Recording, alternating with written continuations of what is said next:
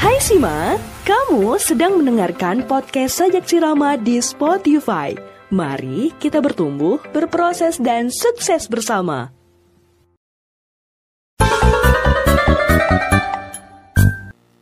Hai semuanya, balik lagi di podcast Sajak Sirama bareng aku Faye dan kali ini aku nggak sendirian nih. Ada siapa ya?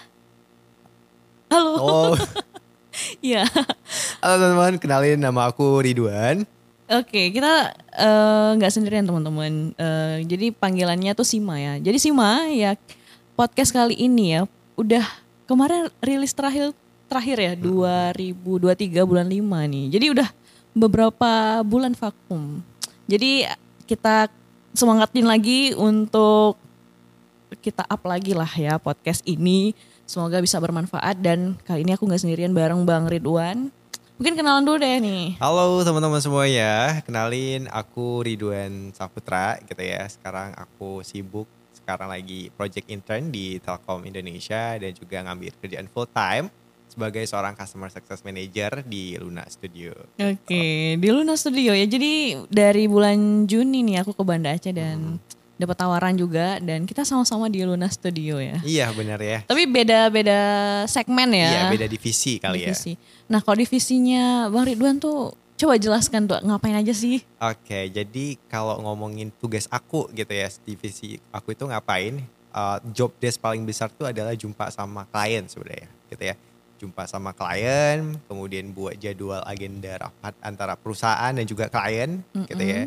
Kemudian memasarkan produk uh, produk kita juga gitu ya kepada klien gitu ya. Kemudian kalau memang klien misal pakai produk kita, kemudian ada masalah nih gitu kan. Jadi lapornya ke aku, nanti aku coba terjun ke lapangan gitu ya, ngehandle permasalahan tersebut. Gitu. Oke, tapi ada yang lucu Iya iya. karena yang biasanya berhadapan dengan hewan, Iya benar-benar tumbuhan, tumbuhan, gitu. gitu. ya. Sebagai jurusan biologi ya dan sekarang berhadapan dengan manusia. itu gimana rasanya? iya benar-benar. Jadi uh, ini disclaimer ya, kita Iya. belum disclaimer nih dari tadi nih. Uh, disclaimer aku lulusan biologi gitu Iya. ya. Gelarnya tuh sains gitu ya. Kan biasanya kalau MIPA itu kan identik dengan peneliti gitu ya, Betul. research gitu ya. Sedangkan aku tidak tertarik ya guys BTW gitu ya. Jadi uh, karena aku sangat-sangat interest gitu ya dengan dunia bisnis dan juga industri digital kreatif gitu ya. Jadi awal semester 5 gitu ya saya sudah meng-cut off bahwa saya tidak akan kerja di jurusan ini gitu ya. Oh. Ya, jadi untuk saya bisa tetap interest gitu ya di kerjaan ini eh, untuk di industri kreatif gitu ya. Saya coba untuk apa pun pengalaman ya pasti ya khususnya di bagian lomba bisnis gitu ya, ikutan project bisnis dan juga magang di bisnis juga kayak gitu. Jadi selama empat tahun ya kan baru Iya, baru lulus. congratulations ya thank Bang you, Ridwan thank you. untuk gelarnya Iya, yang benar-benar. sekarang tidak sejalan dengan Mm-mm, Benar. dengan apa ya dengan kerjaan gitu ya. Mm-mm. Hmm, apa nih mungkin buat teman-teman yang juga aduh aku nih salah jurusan gitu. Oke. Apa sih yang mau disampaikan dengan mahasiswa yang lagi menjalani itu gitu. untuk oke oke mantap mantap untuk siapa pun kamu gitu ya yang sekarang merasa jurus salah jurusan dan gitu dan kamu pengen switching karir ke depannya hal yang menurut aku ini paling penting adalah tahu strength sama weaknessnya kamu dulu itu apa gitu ya misalnya nih uh, strength kamu kamu jago banget ngomong gitu ya kamu suka banget untuk explore hal-hal baru gitu ya nah itu cocok banget untuk kerja di bagian yang sering uh, lakukan komunikasi gitu ya Nah, atau cocok di bidang PR gitu ya. Kemudian untuk kamu yang merasa salah jurusan gitu ya, kamu boleh kok explore hal apa pun gitu untuk kehidupan kamu ke depannya. Salah jurusan itu tidak menentukan salah jalur masa depan. Wih, cakep. Cakep gitu ya. Dan mungkin karena aku eh, apa ya ambil tema bahwa jurusan bukan halangan ya untuk masa depan. Sama nih aku juga. Oh dari iya, oh iya. hukum, Hukum. ya, hukum. Terus apa nih relate-nya dengan yang sekarang gitu ya? Relate-nya adalah ketika nanti bahas-bahas hukum ya aku bisa paham gitu. Misalnya Oke. jadi moderator Oke, nih. ada, ada. ada tentang kuhap dan tentang KUHP dan apa ya kanun se- segala macam ya jadi aku bisa nyambung gitu ya. Oke. Jadi kan juga bermanfaat ya.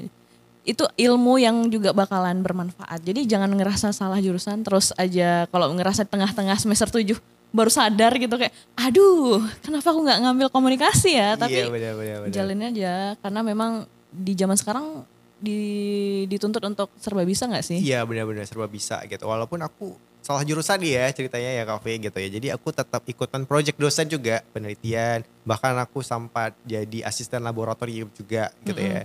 Biasanya kan kalau orang udah salah jurusan, oke deh pasrah gitu ya.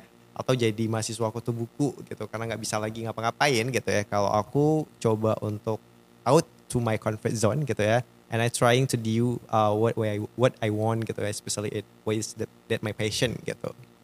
Wah. Tapi sekarang enjoy ya. Kalau sekarang alhamdulillah enjoy banget. gitu ya.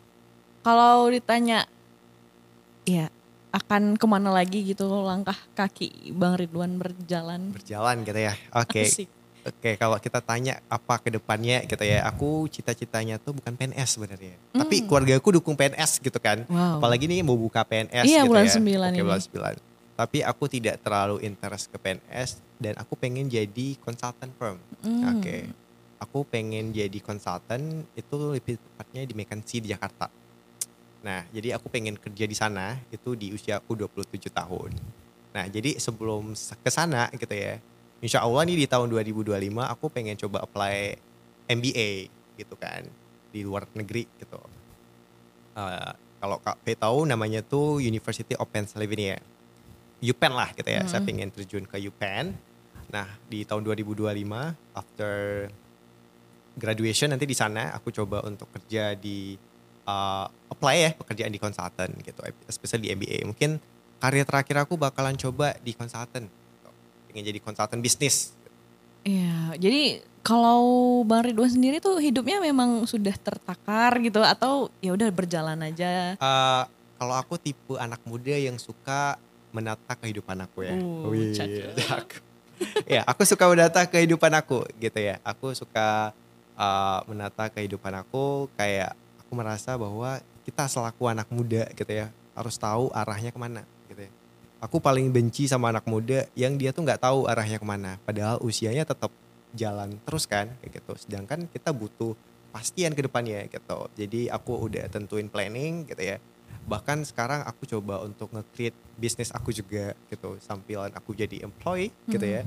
I wanna try as an entrepreneur. I think that's a good choice for me gitu kan untuk aku can get to income, right? Active income uh, with I'm job in this company and then passive income I trying to running on my business. Iya, karena aku teringat juga nih sesuai dengan apa ya dipersiapkan lah masa muda ini kan. Hmm. Iya benar. Apa ya? Mungkin kata-kata Franklin ya bahwa Hmm. hidup yang tidak dipersiapkan maka mempersiapkan kegagalan. Iya Ya, benar Jadi banget. dari situ aku mulai menata nih ini aku kap, misalnya ke Banda Aceh aja Hmm, nih aku oke ini jenjang karir yang aku harus hadapi dan kapan saatnya kayak oke enough cukup nah aku bisa ngembangin yang lain loh dari pengalaman-pengalaman yang udah aku dapatin nih di Banda Aceh dan ya mana tahu bisa juga mengembang apa yang menarik industri-industri kreatif yang ada di pusat ya misalnya kayak di Banda Aceh bisa aku terapkan di daerah dan bisa mengembangi daerah yang yang mungkin lagi butuhnya kita nih sebagai anak muda kreatif. Tuh. Oke, mantap mantap. mantap. Tapi kalau eh, pertanyaan terakhir nih, Oke oke.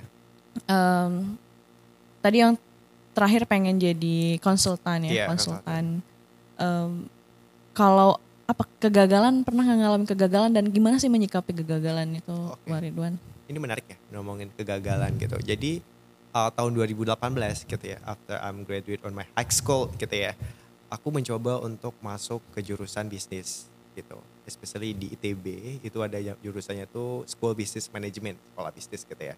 Itu melalui SNPTN, SBMPTN. Jadi dari tahun 2018 sampai 2020 itu aku mencoba untuk apply untuk bisa kuliah di sana dengan jurusan bisnis pasti ya gitu ya. Dan ambil manajemen di Universitas Yahkuala juga pada saat itu. Dan tiga-tiganya gagal. Tiga-tiganya gagal. Sempat stres pada saat itu depresi karena kayak kayak uh, apakah saya sebodoh ini gitu ya. Karena saya bisa gagal gitu ya karena saya belajar pasti belajar gitu ya. Kemudian ada satu hal yang membuat aku bisa memahami kegagalan itu adalah aku punya teman gitu ya. Aku punya circle yang positif gitu ya. pada saat itu saya gagal. Saya jumpa dengan teman-teman yang memang dia tuh punya positif vibes banget gitu ya. Di bidang circle aku itu kayak ada si Rizky gitu ya. Ada si Faris, Jafran, Syakir kayak gitu. Yang mana mereka tuh ada uh, the best my circle lah gitu yang ngebawa aku bisa berada sejauh ini gitu ya. Kalau nggak ada mereka, aku pikir kayak oh aku tidak akan dapat gitu ya uh, apa positif energi dari mereka. Karena salah satu faktor penentu kesuksesan itu adalah circle kan kayak gitu. Circle, bagaimana mereka membawa pengaruh positif dan kita bisa mengikuti mereka gitu. Kalau dalam satu circle itu ambis, kita terpacu dong ya untuk ambis gitu. Betul, betul. Nah jadi uh, gitu, jadi after aku gagal, aku jumpa mereka, aku bisa menyikapi kegagalan aku dengan lebih bagus lagi gitu. Toh kita punya porsinya sendiri gitu kan.